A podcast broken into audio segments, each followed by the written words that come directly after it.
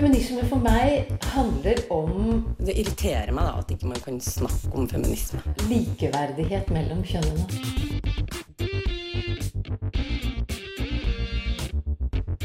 Det blikket på kvinnen på film. handlet det om å bli tatt på alvor som jente. Du hører på Et eget rom på Radio Nova. Verden ville vært et bedre sted om kvinner styrte den. Det har du sikkert hørt noen si. Men er dette virkelig sant? Eller er kvinner egentlig nøyaktig like håpløse makthavere som menn?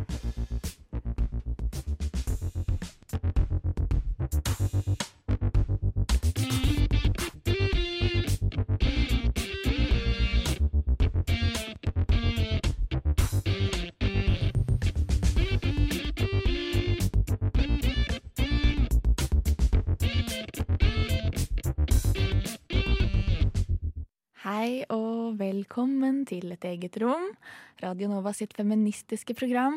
Klokken er ti, eller eh, ett over ti, da. Og jeg heter Andrea Berg, og med meg her i studio så har jeg Anita Kristiansen. Hei, hei! Har du det bra? Eh, ja, jeg har det veldig bra, men vi har jo vært der siden åtte, så jeg er litt trøtt. Hva med deg? Jeg har vært våken siden klokken fire i dag. Ikke sant? Jeg skal ikke si noe, egentlig. Ja. Um, jeg er sånn person som hvis jeg føler at noe er ugjort før jeg legger meg, så uh, får kroppen min panikk nøyaktig klokken fire om morgenen. Nei. Og jeg våkner med sånn hjerteinfarktaktig rykk. Og jeg blir sånn Og så må jeg gjøre det jeg skulle gjøre. Som for eksempel i dag så var det å skrive den introen som dere nettopp hørte. Og så kan jeg legge meg og sove igjen. Det ble veldig bra, da. Ja, da håper jeg takk. du sov godt etterpå. Takk. Ja, det Nei. Jeg, Nei. jeg drakk masse kaffe. Men, eh, men ja. ja. det, nå har jo et eget rom blitt veldig sånn The Anita and Andrea-show eh, så langt i år. Men eh, vi lover å inkludere de andre mer etter hvert. Håper dere ikke er lei av oss. Eh, ja. Vi skal snakke om makt i dag, da. Kvinner med makt. Spennende. Spennende. Makt. Makt, ja. Hva tror du at du ville likt å være en mektig kvinne, Anita? Å, det kommer veldig an på settingen. Eh, jeg vet ikke om jeg er eh, den rette til å lede et land. Jeg er litt konfliktsky. Mm. Så eh, jeg tror jeg hadde gitt etter for eh, ganske mye. Og eh, det hadde nok blitt en sjokoladefontene rundt om på alle universiteter eh, i landet. Kanskje det hadde gjort Norge til et bedre sted. Hvem vet, Kanskje jeg hadde vært en kjempegod statsminister. Ja, Anita for statsminister lett. Hva med deg? Jeg, jeg tror at jeg ville blitt skikkelig maktsyk. For hvis du er en sånn tradisjonell, eh, sånn, litt sånn feminin kvinne som ville liksom gjort alle til laks og sånn, mange gode verdier der, så tror jeg kanskje jeg er sånn som bare ville blitt en ond diktator. Åh. Ja. Jeg tror det er mulig, liksom. Jeg tror jeg ville vært en sånn klimadiktator, da. Ja, det er jo fint, da. Jeg, ja, jeg håper at jeg ville gjort noen gode ting som diktator.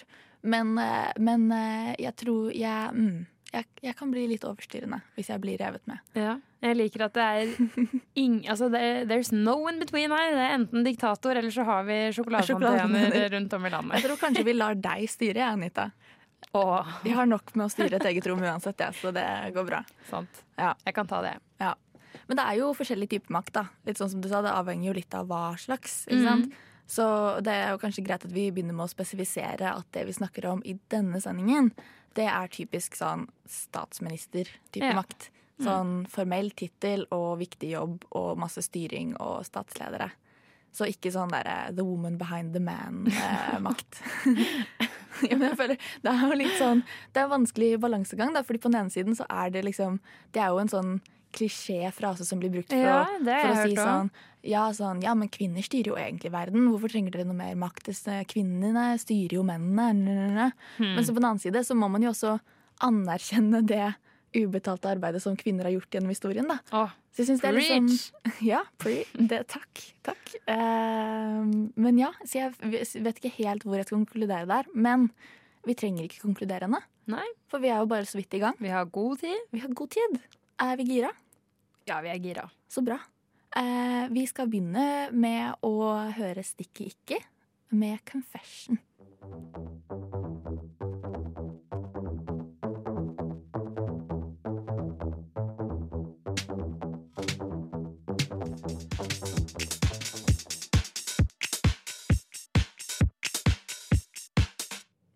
Yes, det var bandet Stikki Ikki der, altså, som eh, kom med en tilståelse.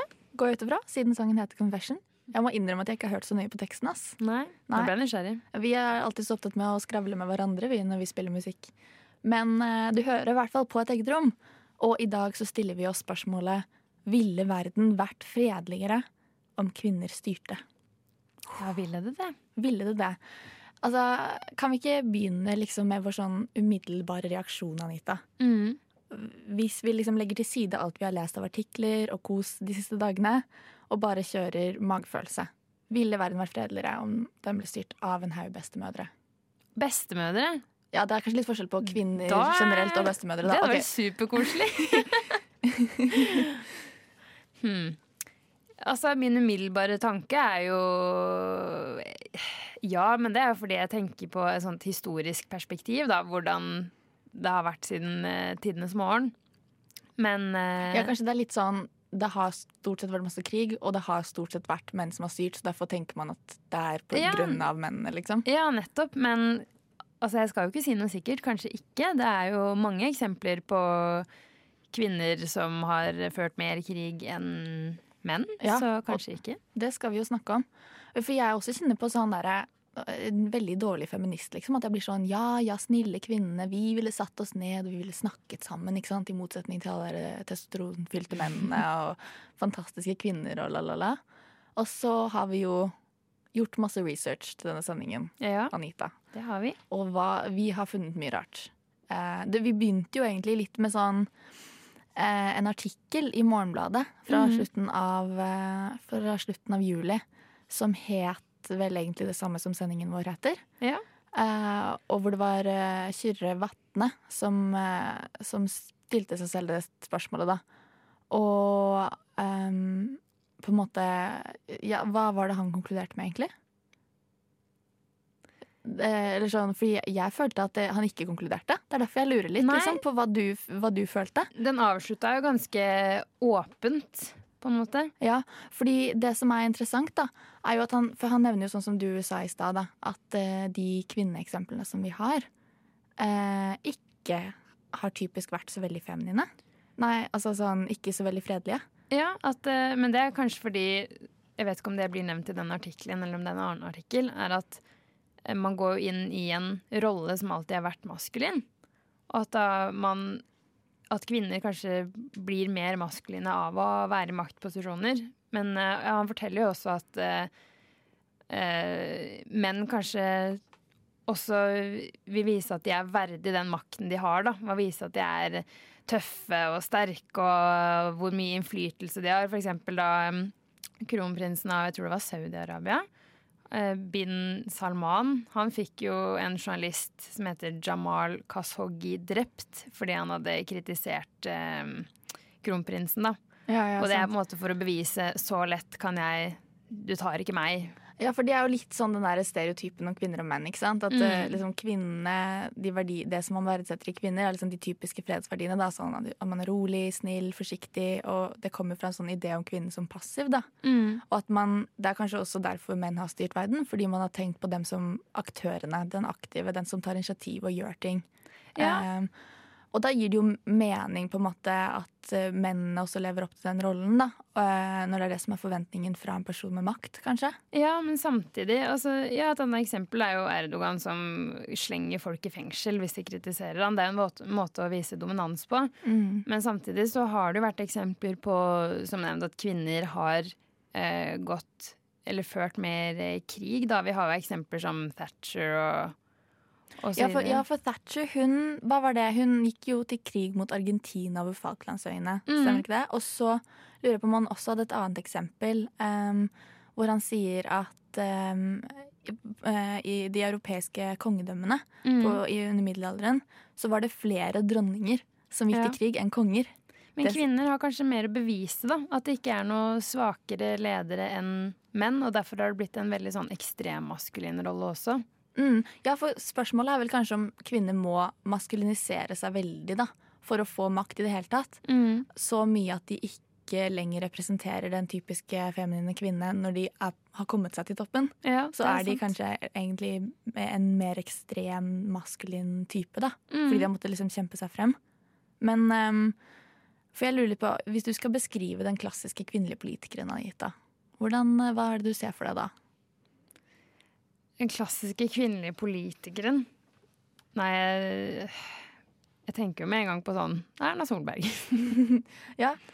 Jeg vil også tenker sånn, jeg tenker sånn dress, eh, kort hår, litt sånn strengt ansiktsuttrykk. Mm, ja, streng. Det tenker jeg jo. Ja.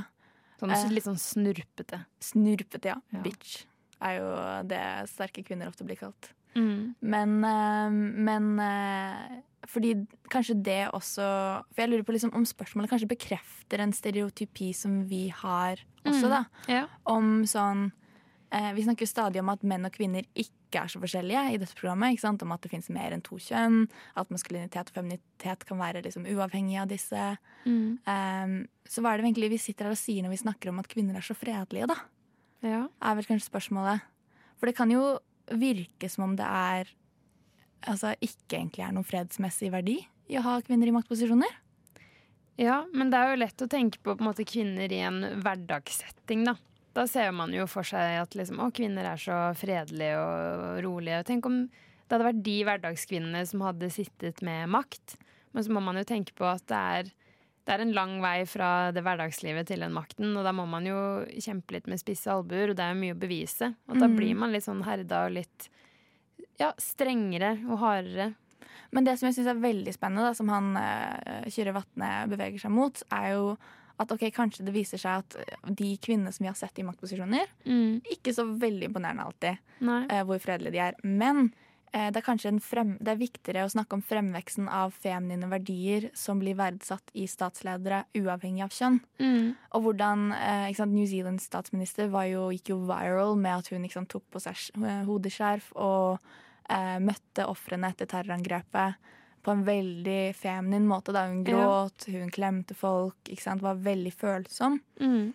Eh, og så sier han Men det gjorde jo Jens Stoltenberg også. Ja, etter 22. juli. Mm. Mm, det er sant. Og da er det jo litt sånn spennende å snakke om kanskje For det var en artikkel i The Economist som het eh, sånn eh, Men the losers, eller et eller annet sånt, som snakket om hvordan eh, menn er på en måte samfunnstaperne og i tillegg til å være samfunnsvinnerne. da. Mm. Eh, og der sier de at det kun er menn som er i maktposisjoner, som kan på en måte bevege seg ut og inn av maskuline og feminine roller liksom veldig lett. da. Ja. Og at, eh, der, at derfor så kan statsledere nå begynne å være mer eh, feminine. Fordi at det er jo kult, de liksom, den kulturelle eliten og det samfunnsstoppende. Mm. Ikke sant? Så Jens Stoltenberg kan gråte på, um, uh, på, foran kamera uten at det svekker hans liksom, troverdighet. ja Fordi sant. at han har en så sterk uh, posisjon i samfunnet. da. Mm. Mens liksom de mer sånn typiske maskuline trekkene er viktigere for en, en mann som har lav posisjon i samfunnet, å vise seg frem med. da. Ja. Å være tøff og sånn. Mm. Um, så jeg syns det var veldig interessant. da. Men uansett, vi får, vi får jo håp av dette her, gjør vi ikke det? Jo. Ja.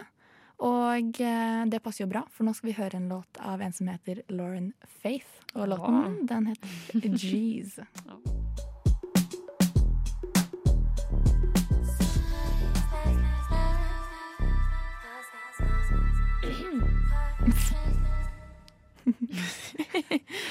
Anita sliter litt her. Det er, eh, det er en overskyet morgen, og vi er, har tunge øyelokk begge to. Men vi snakker jo om noe som vi syns er ganske interessant, da. Ja, Det dette blir man våken av å si. Ja. Hvem trenger kaffe når man har feminisme? Det er sant. Vi var på leting etter noe kaffe, det fant vi ikke. Så det, ja.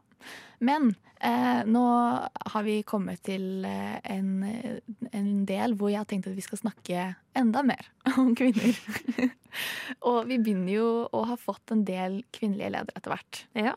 Det vil si, altså, i fjor så var det kun 20 kvinnelige statsledere i verden. Altså en av, 20? Yep av 169 eller noe sånt.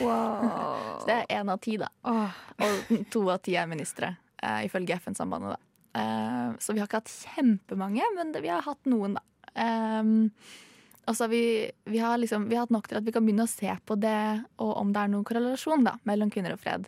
Mm. Sånn som Vatne snakker om da i sin artikkel. Uh, og da har jo egentlig historien vist at uh, kvinner ikke er fredeligere enn menn. Så da, vips, er vi ferdig med det. Da, vi, da kan vi egentlig bare legge opp. Ja.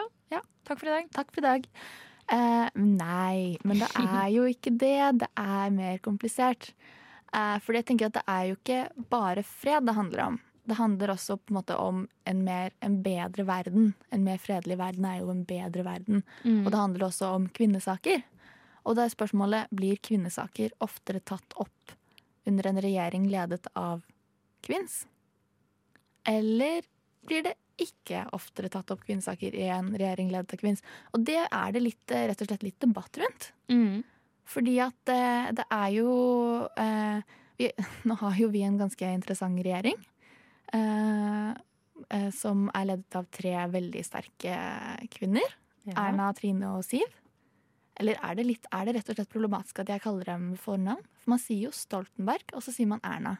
Å, det har jeg ikke tenkt over. Ja, Solberg, eh, Grande og Jensen, Ja, må vi si. Ja, det, jeg har skrevet Erna, Trine og Siv i notatene mine, så det blir litt vanskelig. Men eh, i hvert fall. Mm. De damene har jo stått for innskrenking av abortloven, blant annet. Ikke sant? Det er sant. Ja.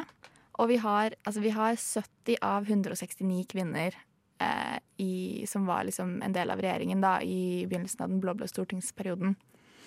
Og det er ikke er ikke mega Det er ikke 50-50, sånn som Rwanda har.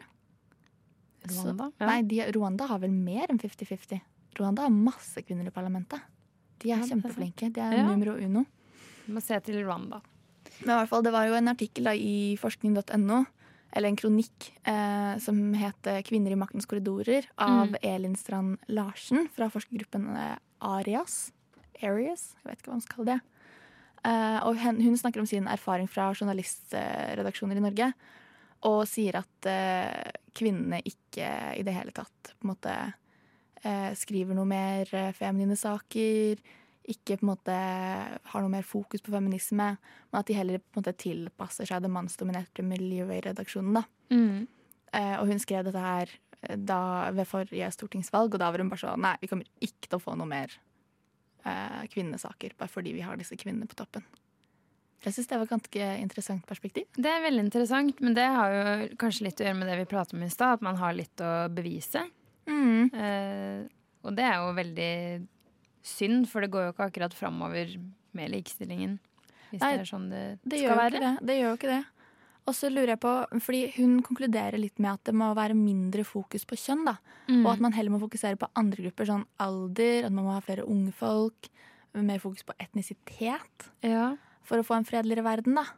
Eh, for eksempel så trekker, trekker hun frem, det, jeg, det er en liten digresjon, men jeg synes det var veldig interessant, at New Zealand de har syv faste plasser på Stortinget for maoiene, som er Mm. deres ut, urfolk. Ja.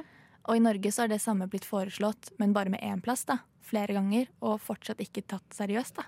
Hmm. Jeg synes det er ganske interessant. Og jeg Det er tenker sånn, med tanke på at eh, de gruppene som har blitt undertrykt i Norge da, så er det jo ikke bare kvinnene, det er jo også annet samene. Mm. Og hvorfor har ikke de eh, liksom en sikret plass på Stortinget? Det syns Ja. jeg er ganske er spennende. Mm.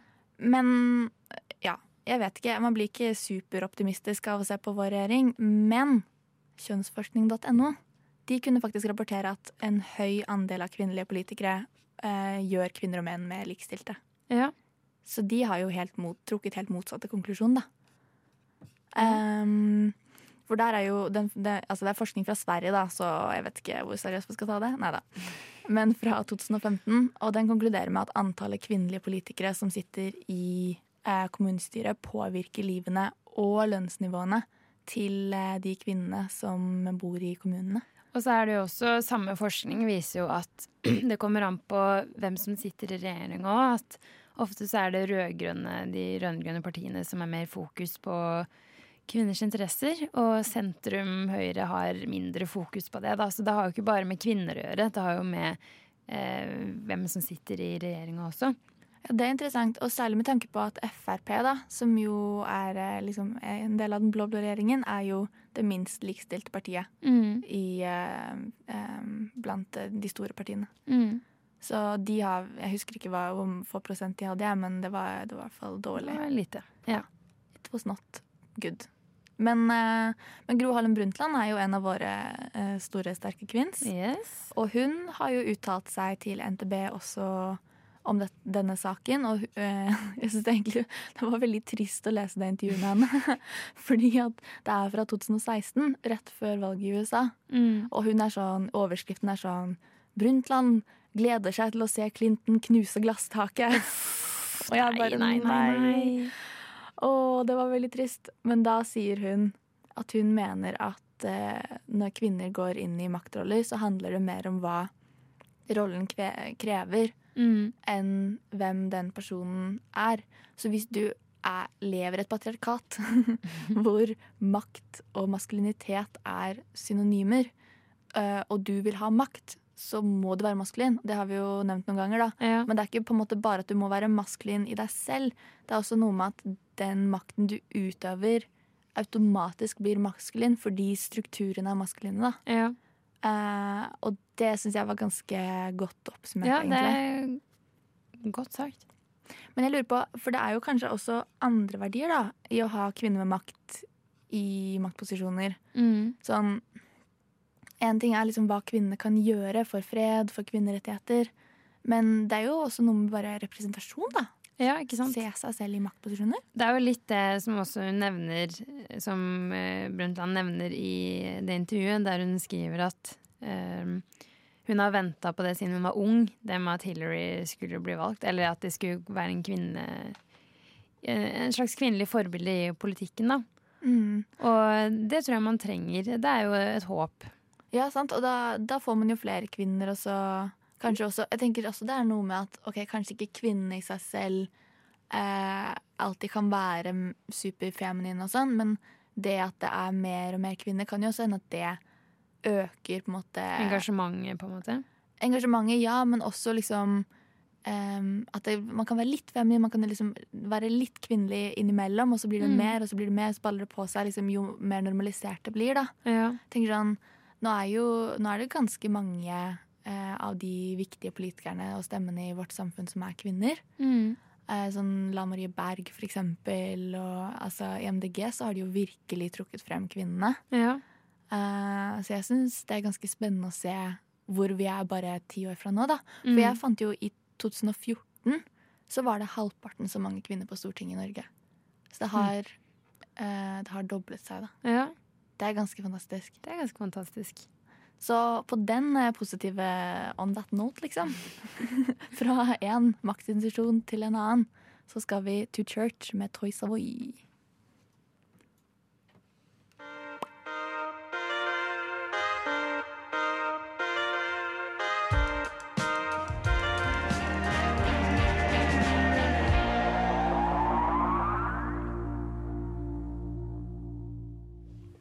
Der hørte du Toys Toy Boy, og de sang Church. Jeg er veldig glad i den sangen, faktisk. Nå har jeg spilt den begge sendingene vi har hatt så langt. Men, eh, men vi skal videre, og vi skal høre et lite innslag uh, som jeg og Anita har lagd til dere, og som handler om Aung San Suu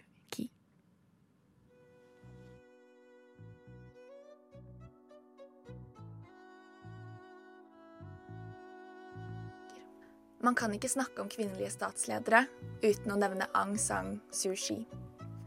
Nobelprisvinneren, fredsaktivisten, rettighetsforkjemperen. Og nå også en undertrykker. Jeg finner frem min eh, topp skoledagbok fra 2011. På forsiden, der ansiktet til Miley Cyrus skulle ha vært, har jeg isteden limt inn ansiktet til min store helt. Aung San Suu Kyi, kvinnen som sto på muren sin og foreleste om demokrati som var satt i husarrest for sin aktivisme, men gjorde sitt fangenskap til en plattform for å snakke om ufrihet, og et symbol på ufriheten til et helt land.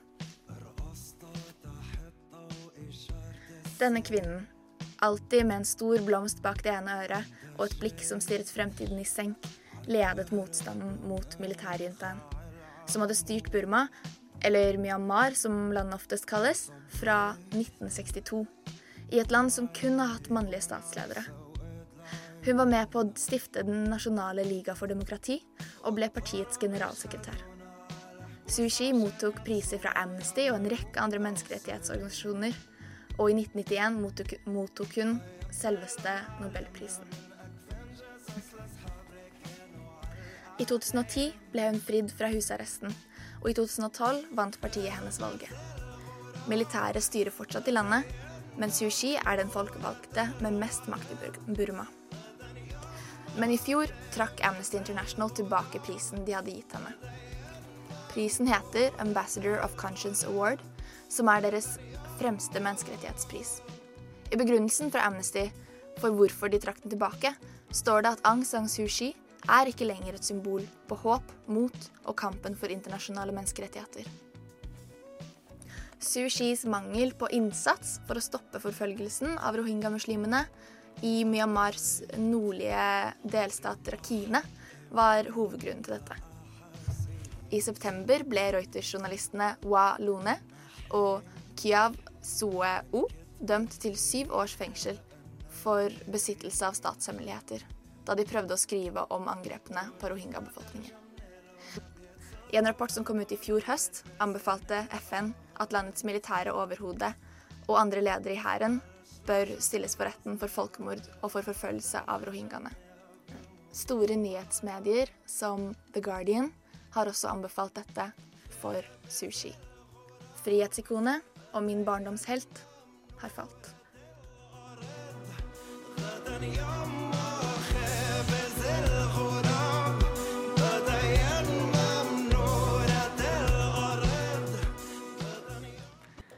Det var eh, min litt sånn triste lille fortelling om eh, fallet fra, av min barndomshelt eh, dere fikk høre der.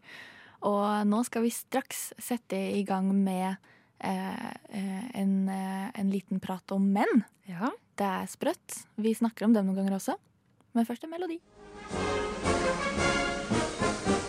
Tenk på da vi gikk i demonstrasjonstog, og Ingrid på seks år gikk med plakat hvor det sto 'Jeg vil bli statsminister'. Og alle mennesker lo langs ruta for at en jente skulle kunne bli statsminister. Du hører på Et eget rom på Radio Nova. Ja, vi nevnte jo Sverige så vidt i stad.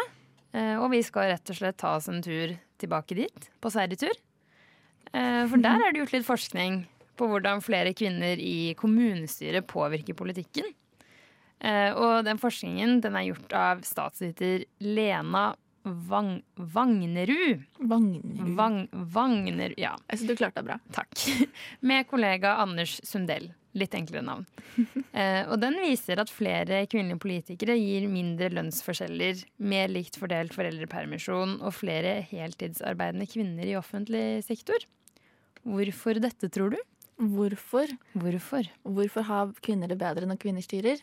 Ja. Ja, nei eh, Ja, dette er jo den samme artikkelen som vi nevnte i stad så vidt. Jeg syns jo ikke det er overraskende. Nei. Det er jo på en måte det jeg skulle tro hvis jeg skulle gjettet. At hvis kvinner får bestemme over seg selv, så ville de bestemme gode ting for seg mm. selv. Um, ja. Men jeg syns jo eh, det som kanskje er litt overraskende, ja. Er jo den andre forskningen vi fant fra samme sted. Yes. For den viser jo at eh, mannlige politikere de blir faktisk mindre feministiske når antall kvinner, kvinnelige politikere er høyt. Og det kan jo enten være fordi menn opplever det som en slags konkurranse og vil verne mer om sine interesser og andre områder.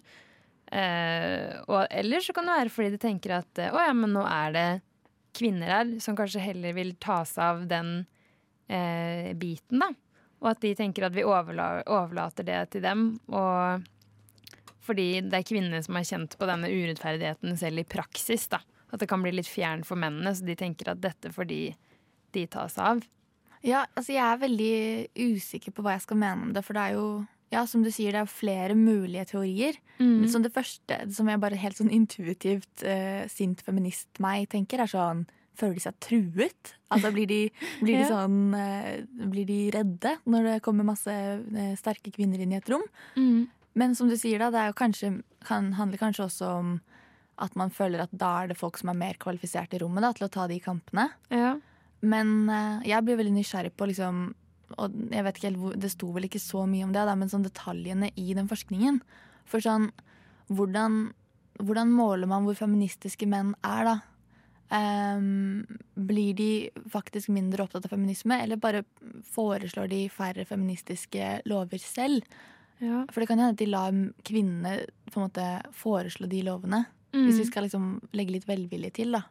For i studien så ble jo politikerne også spurt om hvor viktig de syntes det var å jobbe for mer likestilling mellom menn og kvinner generelt. Og da var variasjonen mellom mennene ganske stor. Mm. Eh, og det var jo viktigere for de kvinnelige politikerne å kjempe for likestilling. Men jeg skjønner ikke hvorfor det ikke er like viktig for menn å kjempe for likestilling, da. Ja, men kanskje, kanskje de ble stressa av måten spørsmålet var formulert på. Mer likestilling. Kanskje de var sånn mer likestilling, da, da vi er jo allerede likestilte. Kanskje de trodde at da ville man ha mer menn enn kvinner. Ja. Nei da, men jeg tror jeg, eh, jeg kan jo tenke meg da at det er litt sånn ehm, At feminisme som jo Eller kvinnekamp og sånn er jo veldig mye en kamp som man kjenner på fra innsiden. Mm. Kanskje særlig sånn i, i Vesten, altså i Sverige og Norge, eh, land som er ganske gode på likestilling, så det jo, handler det jo veldig mye om sånn subtile hersketeknikker, eh, seksuell trakassering som kanskje ikke menn ser, og at nå på en måte det veldig visuelle eh, som er at det sitter like mange kvinner og menn i et rom, er i orden, Mm. så kan jeg jo på en måte forstå at det ser greit ut. Og så kan det hende at det er lett å se på dette med likestilling som et kvinnespørsmål, da. Eller et kvinneproblem. Og at de, man liksom tenker at eh, Men det her er jo på en måte ja, kvinners problem, så dette er opp til dem å ta tak i og se på og engasjere seg i, da. Ja, det, ja mm, det er noe med det. Og, og men det blir jo veldig sånn eh, binært kjønnet også, da. Mm. Så nå snakker vi jo på en måte kvinns og mens. Eh, Mens. mens vi alltid, fra nå av skal vi alltid snakke om menn i flertall som mens. Ja. Eh, ja, det er, det er det at. Men eh, nei, eh, og det er jo mye mer komplekst enn det. Og det er jo også noe med sånn eh, Hva slags type um, kvinnesaker er det man har igjen? Ser de mennene de kvinnesakene? Um, hjelp, altså Skjønner de da at det er flere kvinnesaker enn på en måte bare lik lønn og lik representasjon? Ja. Men jeg lurer også på én ting, og det er Tror du effekten av å ha flere kvinner i politikken gjør at mannlige borgere, eller alle generelt, borgere generelt, blir mer oppmerksomme på kvinners problemer og vil kjempe for å støtte kvinners interesse i en sånn større utstrekning, da? Oi, det syns jeg det var et godt spørsmål. Ja, eller tror du heller at det er motsatt, at man at menn kanskje heller føler seg truet av at det er flere kvinner i politikken, sånn generelt? Jeg vil kanskje tro at det er en sånn todelt eh, reaksjon, da. Ja. Men, men med denne regjeringen så er jo kvinner så ekstremt lite opptatt av kvinnesak. ja. Altså sånn, Erna Solberg har sluppet oss inn i huset sitt, og der var det rotete. Mamma nevner det hver gang vi snakker om feminisme. Whatever. Men eh, bortsett fra det så er de jo ikke de store De er ikke med i kvinnegruppa Otto, liksom. Eh, det er kanskje like greit. Men, men jeg tenker sånn det, Hadde de vært liksom kvinne, feminister uh, hele gjengen, da, så Ja. hadde det kanskje vært noe annet. Ja. Men jeg har jo intervjuet til liksom Fem på gata og sånn, og stilt menn spørsmål om feminisme. Okay. Og da er det menn, altså sånn, ikke til denne sendingen, da, men tidligere. Mm. Og da er det flere menn som trekker frem det, og sånn ja ja, men nå er det jo greit. Vi har jo kvinnelig statsminister, hva mer vil dere ha, liksom? Jo, men sånn virkelig. Altså, det er ganske men- vanlig svar jeg hører fra menn på, menn på gata. som jeg, tror- snakker med hele tiden. Ja, men jeg tror bare man må forstå at eh, at både jenter og menn må forstå at det er noe man kjenner litt på innenfra, som du nevnte i stad. At kvinner må forstå at eh, det kanskje ikke er så lett å forstå. Og menn, må, og menn må også forstå at det er et problem, selv om de selv ikke kjenner det på kroppen. Så er det fortsatt et reelt problem. Ja. Nei, det syns jeg var, det var godt uh, oppsummert. Takk. Ja, alle må forstå at det er vanskelig å forstå. Ja. Nei, men nå blir jeg liksom Nå blir jeg veldig i tvil da, på om vi skal oppfordre lytterne våre til å stemme på kvinner eller ei i lokalvalget. Ja. For på en måte, kanskje de egentlig bare ødelegger for likestillingen. Ja. Men eh, nei da. Kødda. Stem kvinns, og stem menns. Eh, og stem alle. All of them. Nå skal du, men eh, nå skal du få høre fra noen eh, som heter eh, Noen mens, som heter Lokoi og Safario. Og de synger Baby Blue.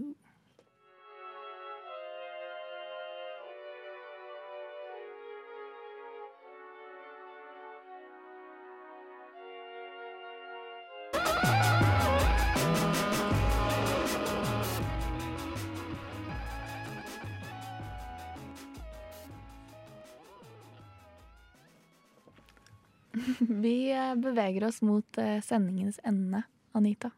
Å nei. Trist. Uh, og som alltid så må jeg jeg, må, jeg er ikke så veldig original der. Jeg har alltid samme spørsmål i eh, siste del, og det er hva var det du syns var mest overraskende av det vi har snakket om i dag? Oh, hva jeg syns var mest overraskende. Jeg kan egentlig begynne. Skal jeg Ja, begynne, så ja, du begynner. tenke deg litt om? Ikke sant? For jeg syns det var mest overraskende at menn som henger med masse kvinner i kommunestyrene, eh, ikke på en måte er opptatt av feminisme. Ja, at, man, at de bryr seg mindre. Man skulle jo, altså, man skulle jo tro at det hadde en veldig omvendt effekt. Veldig, veldig rart, syns jeg. Ja. Eh, men det kan jo hende at det bare er de svenske mennene som er veldig rare. ja. Hva? Svensker er eh, Svensker. svensker. Ja. Nå har du fått tenkt deg om. Er du klar? Jeg må være litt kjæle, da, for jeg må jo si meg enig. Det var et veldig godt poeng. Ja, men det er jo, det er jo veldig Det er så morsomt når man snakker om feminisme, for det handler jo så mye om holdninger, da. Og liksom alle disse meningsmålingene og all den forskningen som blir gjort, og som aldri kanskje kan være helt presis heller. Så man vet jo ikke helt hva man skal tro på og sånn, men det er mye rart. Det er mye rare eh, meningsmålinger som gjøres, gjøres, og det dukker opp så mye rart. Så mye grums. Mange mørkmenn. menn Mange, mye tull. Men eh, ja. Men menn der ute, hvis dere jobber med kvinner, fortsett å bry dere om feminisme. Yes, please. Ikke slutt fordi at kvinnene sitter ved siden av deg.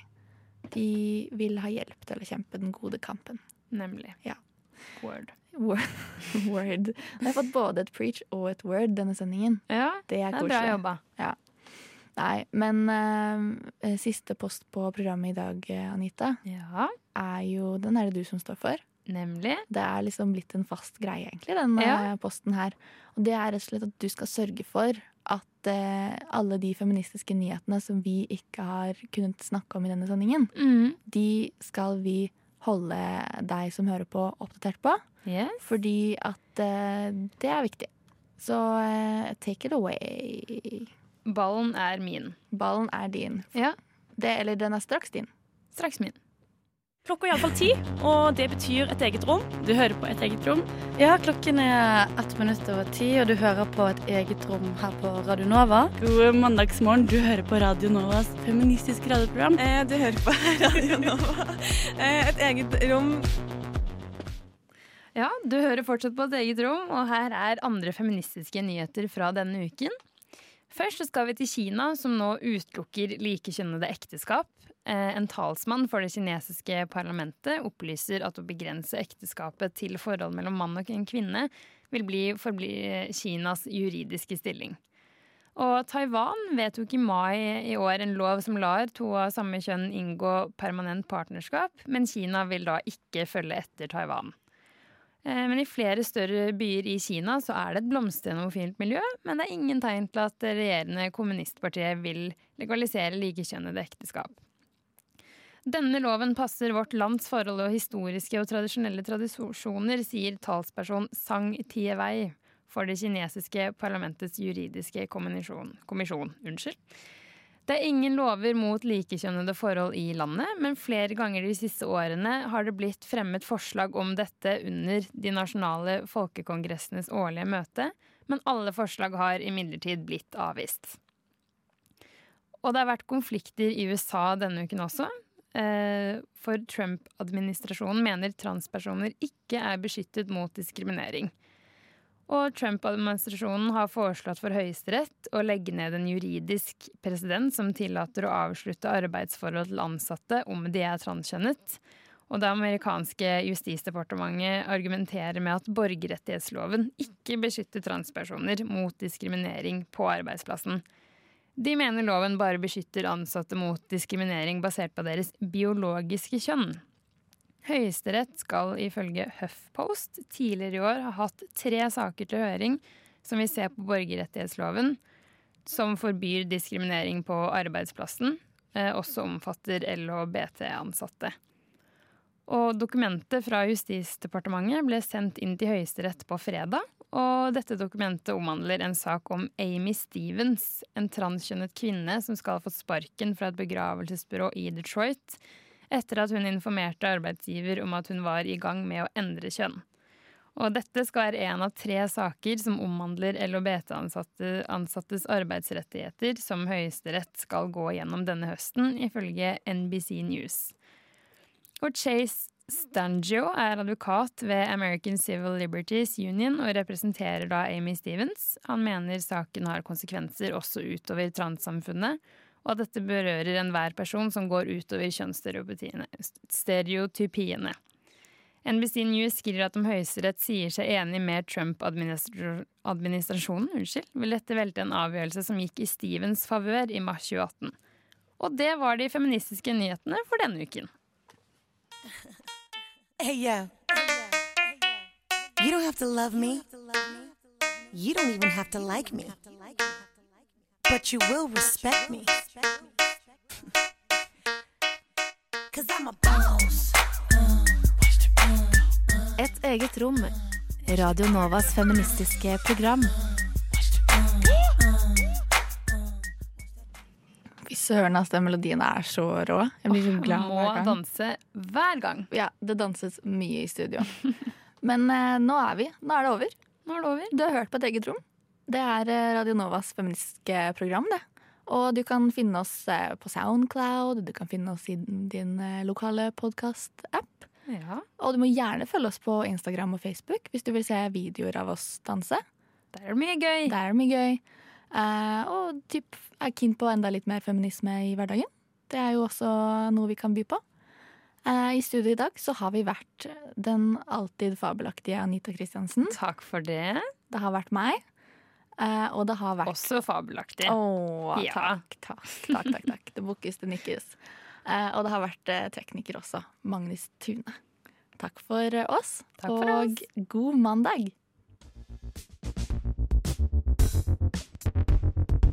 Du har hørt en podkast fra Et eget rom på Radio Nova. Vil du høre mer? Sjekk ut Et eget rom på Facebook, Instagram eller radionova.no.